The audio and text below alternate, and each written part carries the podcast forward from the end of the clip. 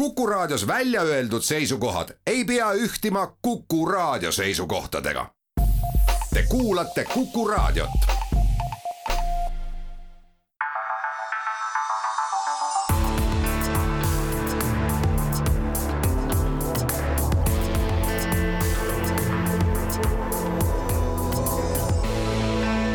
olukorrast ajakirjanduses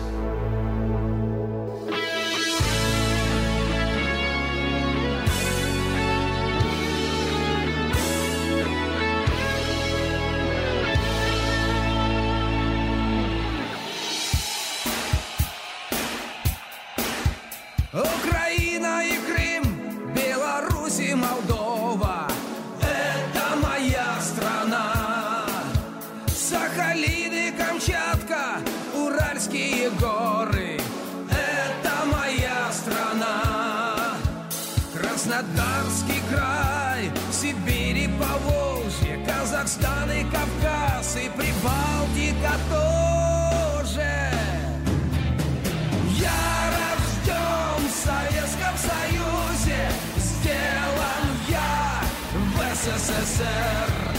Я рожден в Советском Союзе, сделан я в СССР.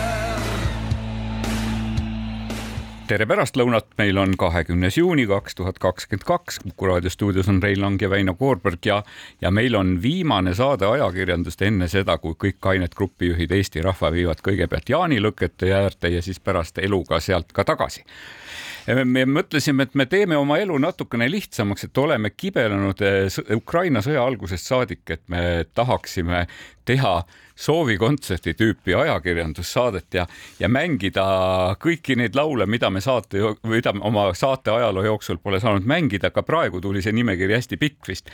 no eks me natuke kahtlesime muidugi, et kas raadiokuulajad just ootavad meilt sellist lähenemist, et nüüd enne suve mängime muusikat ja ei räägi midagi tarka nagu tavaliselt aga me saime inspiratsiooni Eesti Rahvusringhäälingust, et seal on Eesti Televisioon, keerad lahti, kaunis suvehommik, linnud laulavad ja sind õpetatakse, kuidas kaitsta novembrikuus oma õunapuid jäneste eest no,. kuidas aga... lükata paremini lund. Rein, võib-olla nagu praegu ikkagi öökülmad, öökülmad on tulekul, et võib-olla peaks kuidagi ka selles mõttes valmistama ja teisipidi sai ajendiks selle saate tegemisel ka see, et näiteks need otsused, et esiteks Ukraina parlament äh, otsustas keelata mängida vene muusikat meedias ja avalikus ruumis ja lisaks ka keelati Venemaalt, Valgevenest ja okupeeritud territooriumist territooriumilt pärit raamatute import ja müük, aga, aga samamoodi on Venemaal saanud esinemiskeelu päris mitmed Ukraina artistid. Eh, Venemaa eetrist on kõrvaldatud päris mitmed filmid ning võitluses üleüldise vene kultuuri nimel ehk vene keele ja kultuuri nimel on Venemaa enda raamatupoodidest korjatud ära nii Boriss Akunin kui ka teised kurjad ja kiimalised eh, vene kirjanikud. aga meie elame demokraatias ja me alustasime oma tänast saadet eh, suure vene artisti Kasmanovi lauluga Ma olen valmistatud Nõukogude Liidus. okei okay. see tegelikult, kui ma selle loo, ma aeg-ajalt, kui mul on vilets tuju, siis ma ikkagi otsin Youtube'is selle välja ja, ja kuulan ja, ja vaatan seda kõike ja kui ma nüüd jälle seda vaatasin ja vaatan otse läbi ilusa akna seda Nevski katedraali, siis mulle ikka tundub, et äh, tuhande üheksasaja kahekümnendal aastal oleks ehk pidanud ikka võtma oluliselt tõsisemalt selle mahalõhkumist.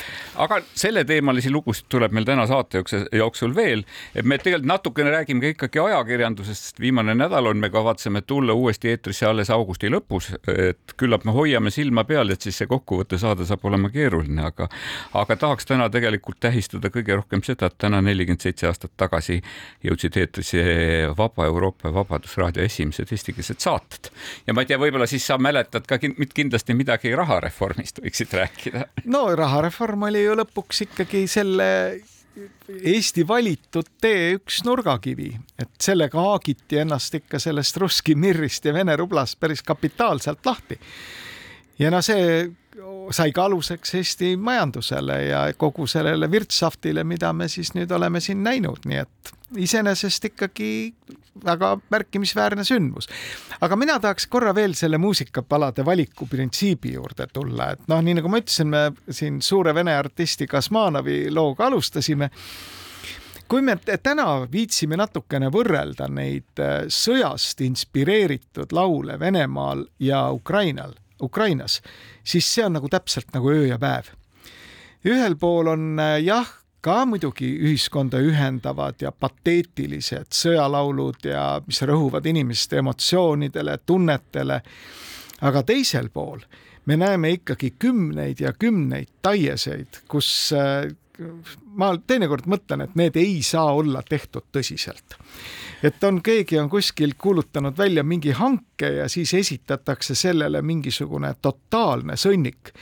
Ja kas see tegija tegelikult ise niimoodi mõtleb või ta keerab tahtlikult vindi üle, et ise siis, kui raha on vastu võetud, siis peab peenikest naeru sellel asjal aga kümneid ja kümneid vene lugusid on ju tegelikult, mis ülistavad tuumasõda.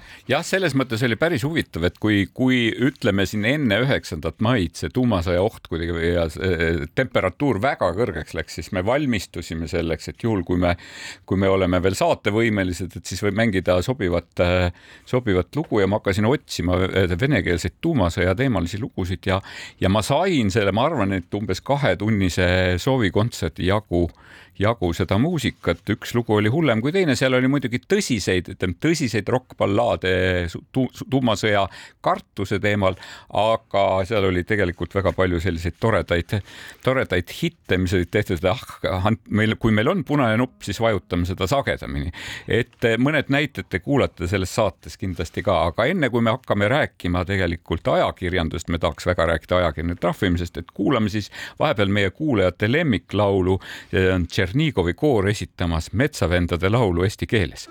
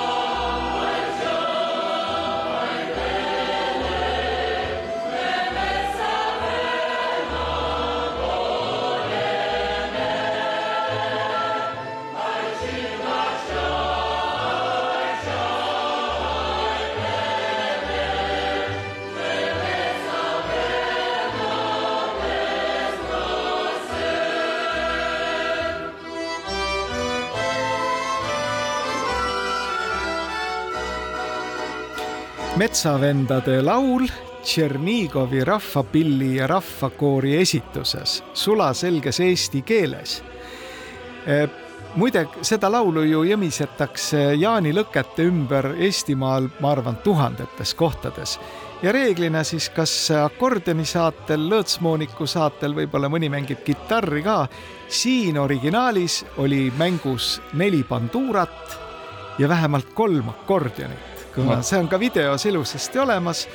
nii et äh, Youtube on see kanal, kust niisuguseid taieseid tuleb hankida. annaks taevas meile niisugust e Eesti toredat muusikat kuulata, eks niimoodi. aga me tahaksime tegelikult enne, kui me selle siirdume oma esimesele vaheajale, tegelikult mängida ära kõige jõledama loo üleüldse mängida ära kõige jõledama loo meie suurepärases soovikontserdis, enne kui siirdume siis ajakirjanikele määratud trahvi juurde ehk tõelise disko ja tuumasõja stiilis. et mäletate kindlasti lugu Potsatajast ja Gienast, eks ju, ja toredast kübaramoorist, eks ju, ja laugu, laul, mille nimi on Helesinine vagun. selle taustal on siis pandud tore lugu sellest, kuidas tuumasõja ajal Ameerika hukkub ja kõik inimesed, pisut kahju temast on, aga las ta olla. mis teha?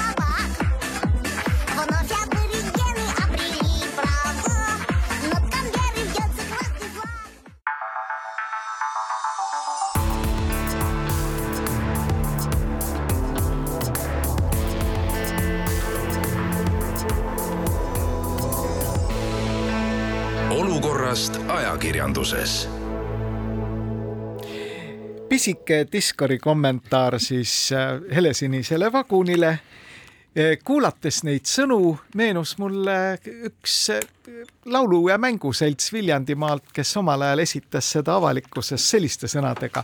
kihutab, kihutab vanamees jalutu mina mõtlesin, et sa tahad öelda, et aeglaselt rakette kaugusesse kaob, neid sa enam iialgi ei näe ja kuigi Ameerikast meil kahju on, Euroopa seisab häving alles ees.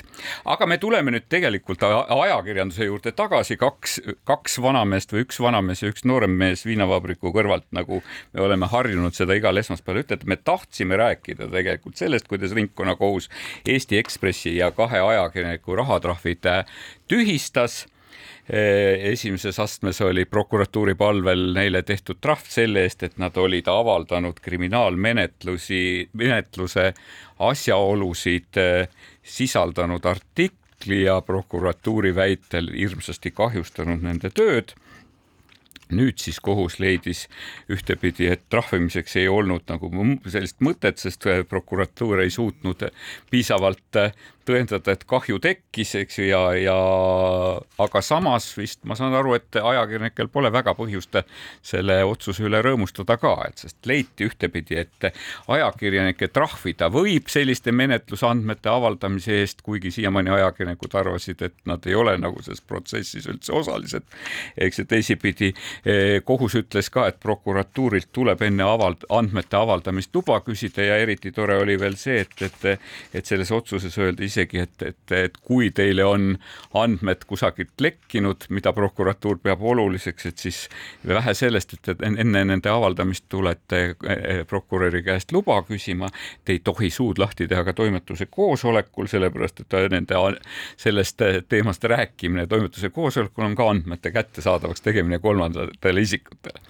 ja ma jälgisin väga suure tähelepanuga seda kõike ja esiteks ma tahan öelda, et mitte et tihti ei ole Eestis sellist olukorda, kus kohtunik läheb ja seletab omaenda näo ja häälega mida ta kohtuotsuse kirjapanemisel mõtles. ühtepidi oleme me seda kohtunikelt kogu aeg oodanud. just, Sten Lind, kümme punkti.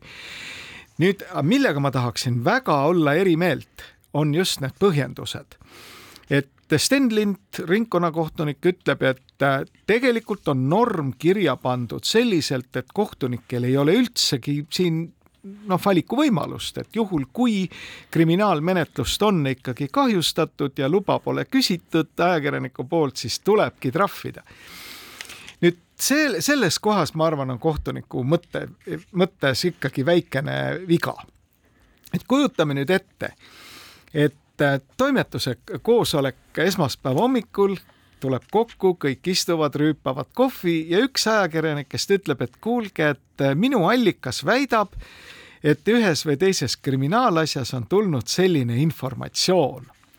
Et nad on jõudnud seal nii kaugele, mis on ju toimetustes pidevalt arutusel, mingisugused asjad, mis kuskil on menetluses, eks ole, mille üle on mingisugunegi huvi, olgu see siis uudishimu või olgu see avalik huvi ja nüüd ainuüksi sellest faktist, et ma toimetuse koosolekul avaldan selle, et keegi edev õiguskaitsja on mulle sellise informatsiooni kuskil nurga taga ära rääkinud, võib tegelikult teoreetiliselt mind trahvida nii et noh, see sellise mõtteviisiga me jõuame nagu hästi kiiresti absurdi. sellega me jõuame absurdi ja tegelikult ma ei ole ka päris sellega nõus, et et, et kui ajakirjandus peaks millegi avaldamiseks küsima luba prokuratuurilt, et me nagu ei, ei noh, et ei ole mõtet rääkida tsensuurist, eks ju, sest mulle siiski tundub, et sellel luba, loa küsimisel on ka teatavad tsensuuri tunnused, ma ei ole küll juriidiliselt pädev ise, isik, eks ju, aga niisugune tavamõistuse järgi no eks ta on jah, ei jumala tõsi. või kui sellel ei ole juriidilist tähendust, siis ajakirjanikele on sellel ikkagi vaigistav tähendus päris selgelt olemas. nüüd ma pean ennast kordama, ma olen ka kindlalt seda meelt, et see Ekspressi lugu, mhm. mille Vedler ja Vahter ju kirjutasid, eks ole, kus nimeliselt toodi ära kogu Swedbanki juhtkond ja väideti, et nende suhtes on kriminaalkahtlus, kriminaalkuriteos kahtlustus, see lugu ei oleks tohtinud sellisena ilmuda, aga mitte sellepärast, et prokuratuur arvas, et see on, kahjustab kriminaalmenetlust, vaid sellepärast, et nendel inimestel, kes kuulusid sellesse Swedbanki juhtkonda, on vääramatu põhiseaduslik õigus privaatsusele. Ja mitte saada kahjustatud, avaldada, avaldades mingisuguseid andmeid see on hoopis teine maailm.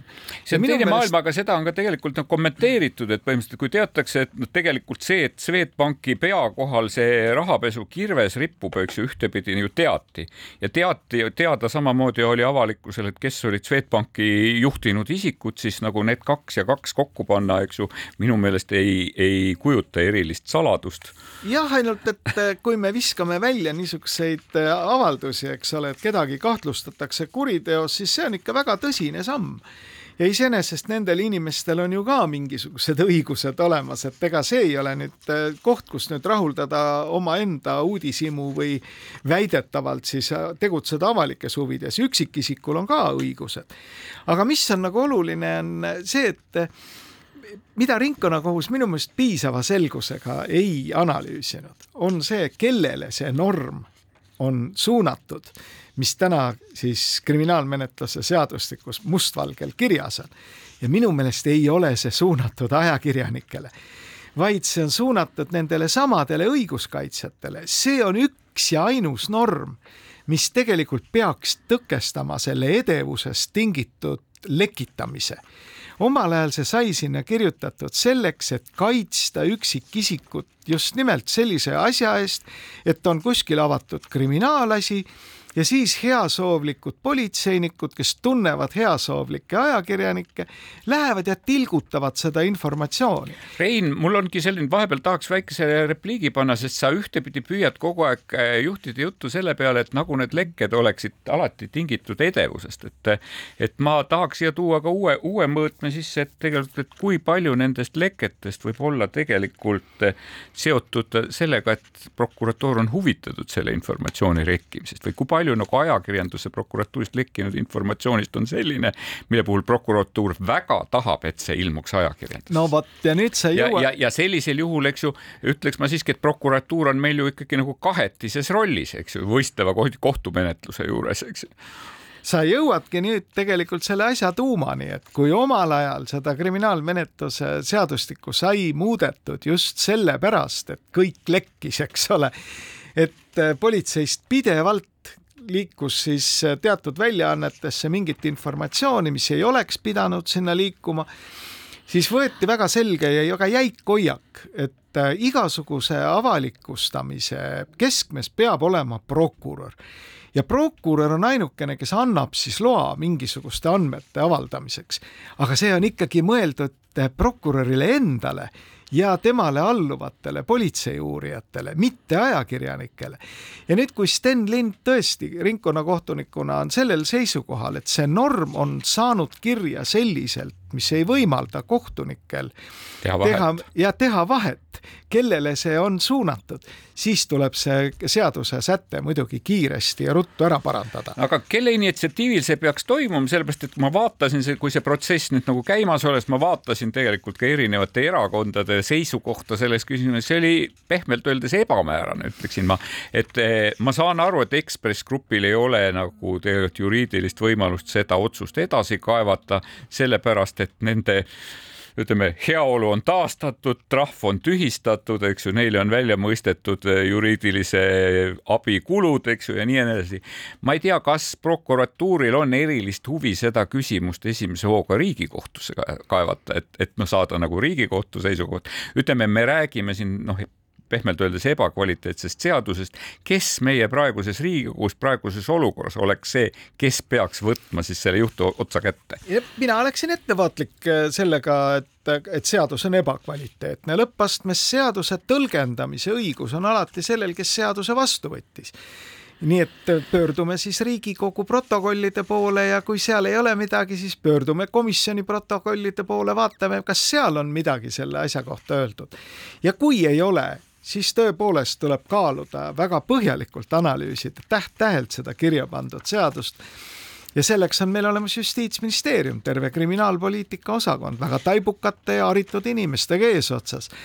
Nii et eh, ma arvan, et see ringkonnakohtu otsus praegu on piisav materjal selleks, et see kriminaalpoliitika osakond täielikult käivitada, vaatamata suvepuhkuste ajale ja sügiseks peaks siis olema nagu kindel seisukoht, eks ole, võib-olla nad leiavad tõesti Riigikogu protokollidest või komisjoni protokollidest midagi sellist, millega saab põhistada, et seadust pole vaja muuta, et kohus on asjast natukene valesti aru saanud, et kogu norm ei ole üldse mitte ajakirjandusele suunatud.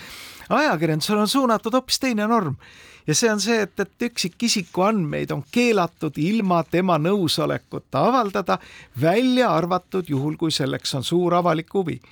ja kas on suur avalik huvi see, kui kedagi kahtlustatakse kuskil, mina muide väga sügavalt selles kahtlen ja sellepärast enamus maailma demokraatiatest üritab hoida seda informatsiooni konfidentsiaalsena kuni süüdistuse esitamiseni riikliku süüdistaja poolt.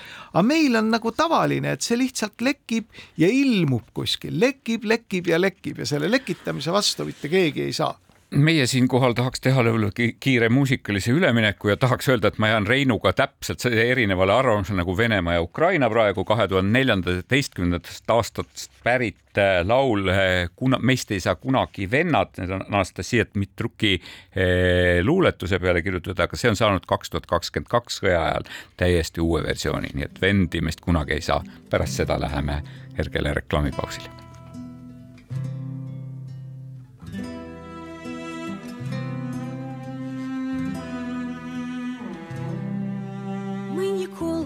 братами не станемо, ви прийшли до нас з ураганами. В полі чистому, гради лютії, не брати ви нам, та й не люди ви.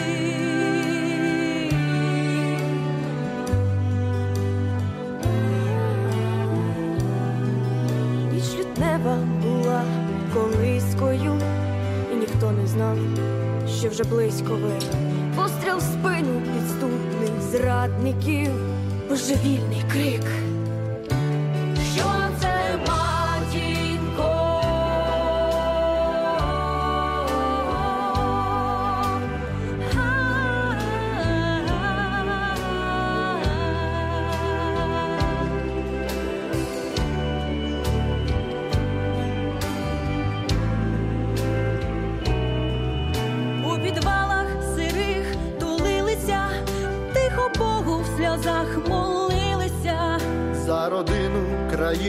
за Божий суд.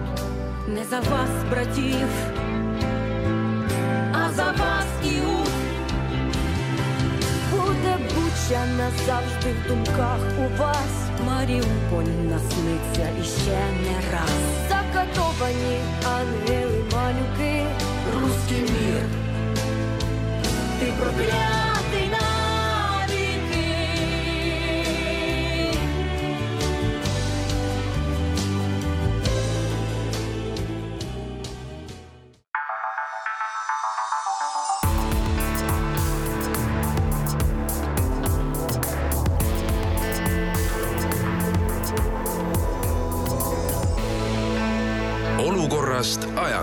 Ajakirjanduses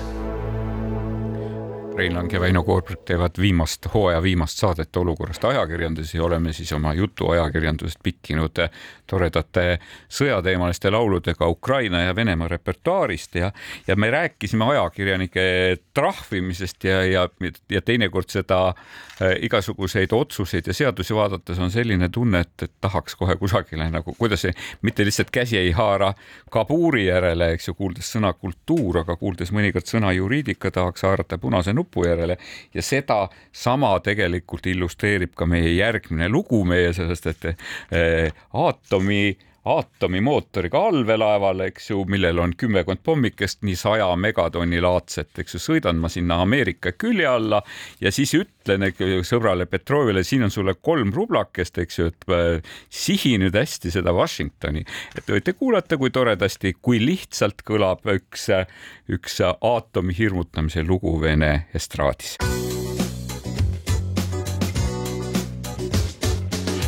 подводной лодочке с атомным моторчиком и с десятком бомбочек под сотню мегатонн.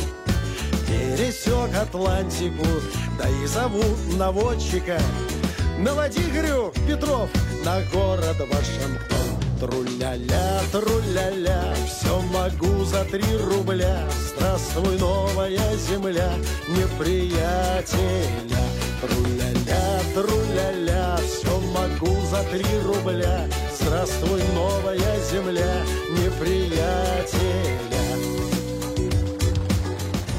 Meil siin stuudios jalg hakkas, tantsujalg hakkas kohe tümpsuma, aga ma kujutan nendel inimestel, kes kuulasid seda lugu Iisaku katedraalis Peterburi kontserdikoori esituses ametlikus klassikalise muusika kontserdil, võis see tunne olla pisut teistsugune.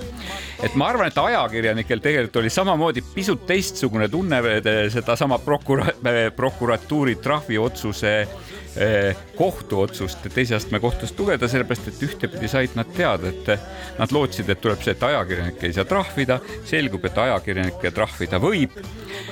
Nad said ka teada, et tegelikult sedasama sedasama võtet võib prokuratuur kasutada ka ütleme kodustamatute või, või piisavalt dresseerimata ajakirjanike suhtes, eks ju, kes, kes korduvalt prokuratuuri noomi, noomimisest välja ei tee, et sest et tegelikult kohtuotsus ei välistanud seda, et, et selle loa küsimuse korduv puudumine võib olla nagu eraldi põhjuseks ajakirjanikul trahvi tegemiseks. ja minu meelest ei saanud täiesti selgeks ikkagi see, et, et kas trahvima peaks meediaorganisatsiooni või trahvima peaks seda sõnakuulmatut ajakirjanikku. no see on veel hoopis eraldi teema ja ma tean, et ajakirjanikud on kõik seda meelt, et nendel personaalset vastutust ei tohi olla et eksisteerib ainult siis kollektiivne ehk nii-öelda väljaandja vastutus, sellega mina nõus ei ole näiteks ja ma olen nõus sellega vaidlema lõpmatuseni.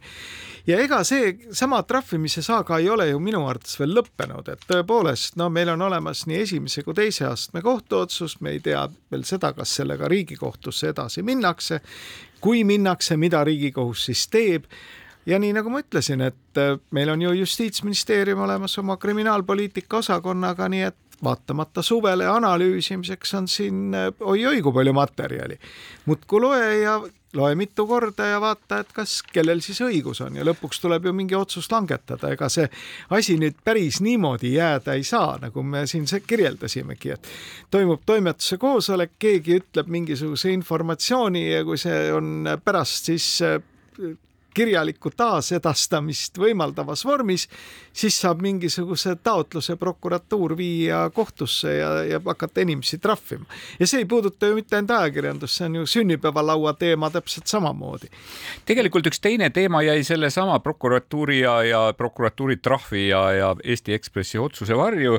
Maarja, me oleme natukene sellest oma saates rääkinud, Maarja Pilt kirjutas minu meelest Postimehes päris korraliku loo kohtumenetluse avalikustamise plaanist, et tegelikult meil on, meil on praegu Riigikogu menetluses seaduseelnõu, mis peaks just nagu muutma kohtupidamise avalikuks, avalikumaks, me mäletame, päris mitu aastat on ka Riigikohtu tasemel sellel teemal räägitud ja ühtepidi ongi, ongi, räägitakse sellest, et meil kohustatakse selle seadusega, kui see peaks jõustuma, avalikustama isegi veel jõustumata kohtulahendid ja lubatakse veebilehel üle kanda kohtuistungeid ja esimest korda sätestatakse, et ajakirjanikel võiks olla õigustatud huvi kohtutoimikuga tutvumiseks, mis tundub kõik nagu päris tore edasiminek, aga teisipidi, teisipidi toob äh, asjal on alati paha pool või asjal on alati teine pool pakutakse välja ka seda, et tsiviil- ja halduskohtu menetluses tuleks kohtuotsustest kõigepealt isikute nimed ära varjata eraelu kaitseks, millest me rääkisime. teisipidi, teisipidi on uus eelnõu sätestab ka, et juriidiline isik võib nõuda oma andmete varjamist ja sedapuhku siis, kuna juriidilisel isikul nagu eraelu ei ole, siis oma maine kaitseks ja ja, ja, ja tõesti selle kohtuotsuse ülekannetega on ka tegelikult väga palju, väga palju igasuguseid karisid tulekul, et, et see ülekannete tegemine ühtepidi koormab kohtuid, teisipidi aga äh, võib neid ärgitada kohtu, kohtuprotsessi osalisi esitama taotlusi istungite kinniseks kuulutamiseks just selle tõttu, et liigsed, liigsed suud ja silmad seda ei näeks, kuuleks ja ei räägiks sellest. no see on äh, uue tehnoloogia võlu, eks ole, et see tekitab küsimusi, millele tuleb paratamatult kriminaalpoliitikutel ja poliitikutel leida vastus et iseenesest tundub ju kõik imelihtne, eks ole, et äh, kohtusaali ei mahu, pane kaamera üles, ei maksa suurt enam midagi, kanna avalikult üle tõepoolest, siin tekib see küsimus, et äh, nagu analoogmaailmas oli, kohtusaal sai täis, löödi uks kinni, kes oli sees, oli sees, oli väljas, oli väljas.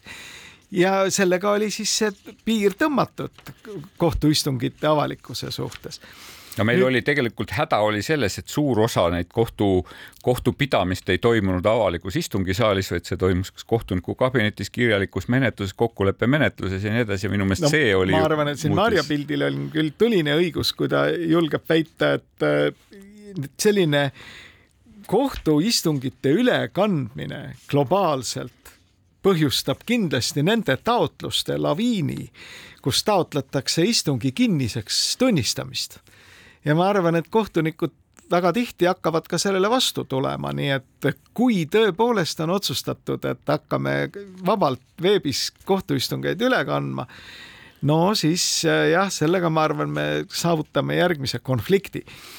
nüüd järgmine küsimus on, et hüva, et kanname üle, aga salvestada nagu ei tohi. huvitav, kuidas seda kontrollima kavatsetakse seda tehniliselt on väga keeruline, mulle tundub teha. nojah, et isegi kui tehniliselt ütleme, et sa saad blokeerida selle allalaadimist kuskile ja sellega siis digimaailmasse salvestamist ja keegi ei takista ju panna kaamerat, eks ole, omakorda siis vaatama ekraani nii et seal on jah. aga minu meelest ikkagi oluline on ikkagi, ikkagi see eraelu kaitse versus see, et, et kas me peaksime teada saama, et, et kodanik on sarivõlglane või puuküürnik või, või kes iganes või et, et kas me, kas me nagu, kas see niinimetatud juriidiliste isikute mainekaitse versus avalikkuse huvi teada saada, kes, kes ja kes ja mis on teinud, et kas me nagu liigselt seda juriidiliste, eh, juriidiliste isikutele ei soovi laiendada füüsiliste isikute privileege ja, ja õigusi ja kaitseid. aga ma nüüd küsin sult vastu, et huvitav, et kas see on mingi avalik huvi, et kõik peaksid teada saama, mida üks või teine tunnistaja kohtus rääkis?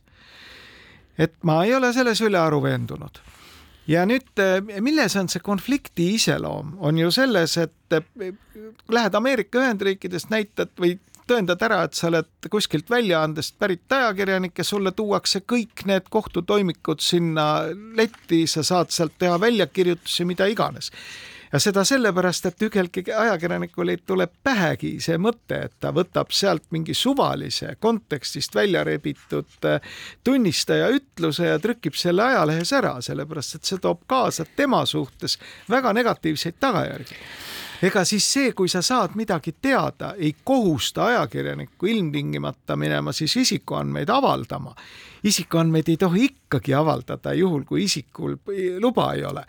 nüüd ma arvan, et see, see küsimus on muidugi õigustatud, et kas me ei peaks teada saama näiteks puuküürnike nimesid ja sarivõlglaste nimesid ja see asi tuleb kindlasti lahendada, et kohtupidamise üks mõte ongi ju selles, et kui keegi tunnistatakse näiteks puuküürnikuks sealt, mis ei ole ju kriminaalkaristus siis see nimi kuskilt otsast peab hakkama levima, et noh, et inimesed oleksid ettevaatlikud selles suhtes.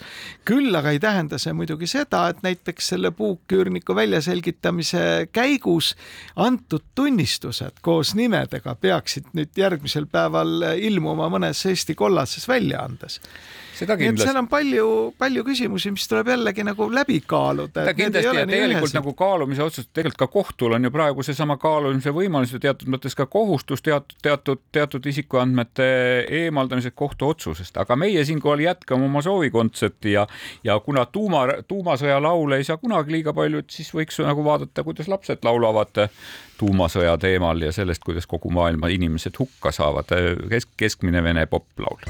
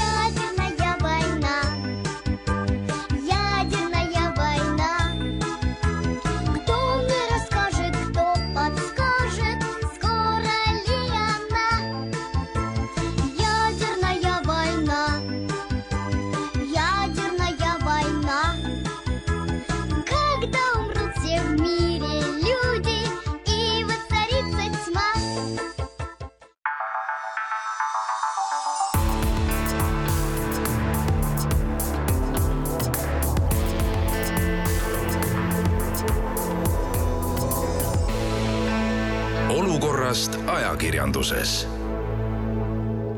Rein Lang ja Väino Koorberg teevad eh, viimast puhkuseelset soovikontsertit ajakirjanduses. tahtsime natukene rääkida sellest, et ajakirjandus on alanud suvine segaduste ajastu, et, et lugesin ma esmaspäeval Postimehe portaalist ikkagi lugu sellest, kuidas minu lemmik Grete Paia on oma nina korralikult lasknud ära kohendada, süstida, süstida huultesse fillereid ja mida, mida iganes, et näha välja ikka eh, vingem ja naiselikum, eks ju, vaatasin, et vau, kui vaata, kui hoolega Postimees kaalub delikaatsete isikuandmete teemat, eks ju, ja kui, kui hoolega rahuldab minu uudishimu. Ja läks mööda, see lugu oli üleval ikka terve ööpäeva enam-vähem niimoodi ja läks mööda tõesti kaks päeva ja juba ma lugesingi sealtsamast Postimehest, sealtsamast naiseportaalist Postimehe ajakirjaniku kinnitust sellest, et Grete Paia ei ole lasknud oma näole teha ühtegi ilukirurgilist protseduuri, ei ole lasknud ilukirurgil korrigeerida oma nina ja huuli, nii et kõik need, kõik need eelmised väited said ilusasti ümber lükatud ja minus valitseb nüüd tohutu segadus sellest, et kumb oli õige. ja tõepoolest, et äh, mind jällegi teeb murelikuks see, et kummal on õigus, kas peaminister peab tagasi astuma või peaminister ei pea tagasi astuma et no post... tavaliselt edasi-tagasi, edasi-tagasi. Postimees muudkui kirjutab, et peab kohe tagasi astuma, et selleks on väga kaalukad argumendid ja ilmub igasuguseid kirjutisi ja siis tuleb õiguskantsler, ütleb, et kuulge, lugege põhiseadust, ei pea siin midagi keegi tahab peaministrist lahti saada, koguge hääled kokku, umbusaldage, suvalisel hetkel on seda võimalik teha. nii et no mis on nagu kurblooline tõesti, on see, et üks või teine poliitiline tõekspidamine nüüd hakkab ajakirjandust kasutama ära omaenda selle seisukoha või omaenda hetkekasu saavutamise inglise keeles push imiseks, läbisurumiseks, et no nii, see ei ole minu meelest lihtsalt ilus seda kindlasti. ühte, ühe asja võime ka nüüd ikkagi enda arvele kirjutada veel enne, kui me suvepuhkusele läheme, et, et minu meelest nii palju ei ole kütuse hinnast kirjutatud Eesti ajakirjanduses, kui seda on tehtud viimasel nädalal. väga positiivne väga positiivne, et. kuigi ma pean jälle ütlema, et mul nagu tulid nagu segased, väga segased sõnumid tulid, et ühtepidi lugesin, algas Õliliidu, Õliliidu juhi arvamusartikkel arva, algas deklaratsiooniga Eesti kütusemüüjatel kartellilepet ei ole Ja seda see... ei ole sellepärast, sest see oleks ebaseaduslik, eks ju, ja seda sellepärast lihtsalt ei ole. see oli umbes samamoodi nagu Rahvusringhääling ei tee reklaami. sest see on keelatud. sest see on keelatud. aga mulle hakkas samamoodi silma ka tegelikult ERR-is Indrek Kiisler oli teinud tegelikult intervjuu Konkurentsiameti uue peadirektori Evelin Pärn-Leega ja selle koha peal ja teda nagu sellel teemal päris korralikult grillinud ja sealt ma sain tegelikult samamoodi teada, et ei ole meil äh, ütleme niimoodi konkurentsi kahjustavad kokkulepped ei ole tuvastatud, et sest et kütuseturul toimib nähtus, ma nüüd tsiteerin, mida nimetatakse turuliidri järgimiseks. kui turuliider hinda muudab, tõstab või langetab, siis teised turuosalised seda järgivad, selles midagi ebaseaduslikku ei ole. ja Eesti kui digiriik selleks kulub reeglina null koma kaks sekundit.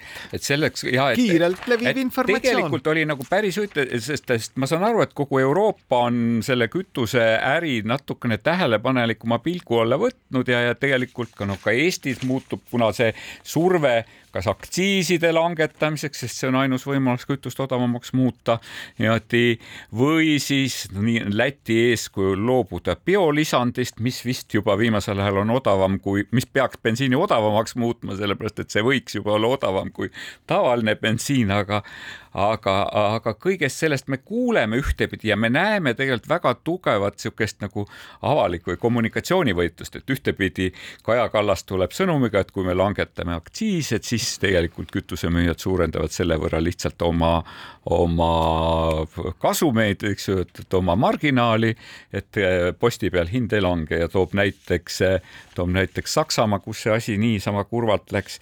kütusemüüjad jälle ütlevad, et alatu, alatu jutt, et see pole kunagi niimoodi olnud, eks ju, et me oleme alati lasknud selle hinna alla. et kus mina, vaene kodanik, pean selle tõe välja võtma siis nüüd?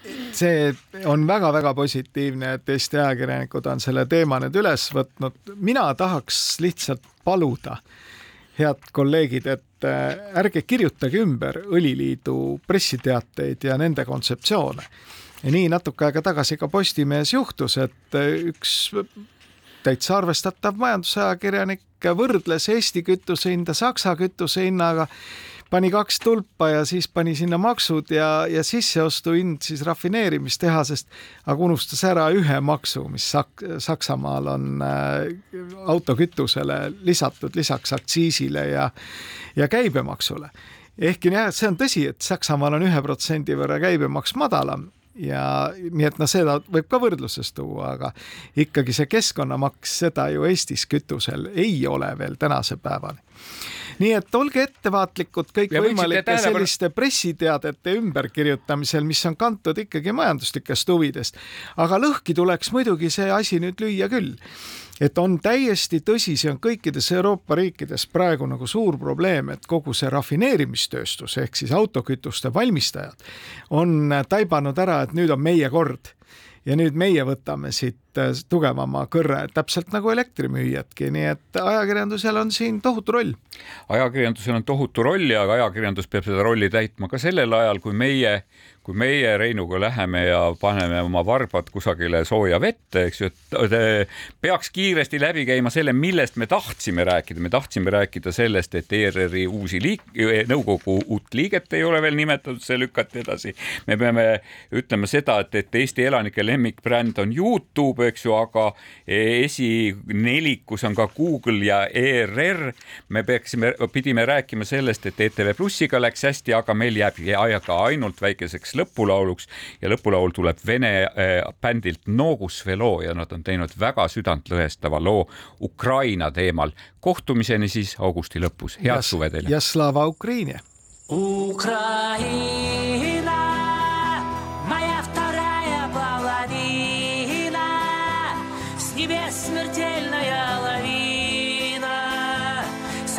По прихоти страстей.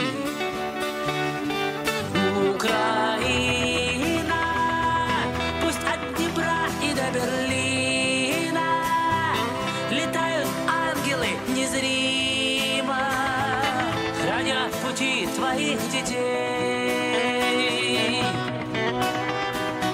Сынок, не бойся, и подожди немного, она закончится. Воздушная тревога, похоже, стихла. Похоже, улетели, похоже, мы с тобой сегодня уцелели.